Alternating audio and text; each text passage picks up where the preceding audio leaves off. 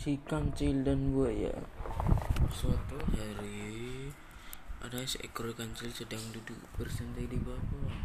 Ia ingin menghabiskan waktu siangnya dengan menikmati suasana hujan yang asri dan sejuk. Beberapa waktu kemudian perut keroncongan. Ya, kancil yang konon katanya cerdik itu lapar. Ia sedang berpikir untuk mendapatkan mantimun yang letaknya di berada seberang sungai. Tiba-tiba terdengar suara-suara kecepak dari dalam sungai. Ternyata itu adalah buaya. Kancil, di, kancil yang cerdik itu pun punya ide jitu untuk menghilangkan rasa laparnya. Ia bangkit dari duduknya dan berjalan cepat ke arah sungai untuk menghampiri buaya. Selamat siang buaya. Apakah kau sudah makan? Tanya kancil berpura-pura.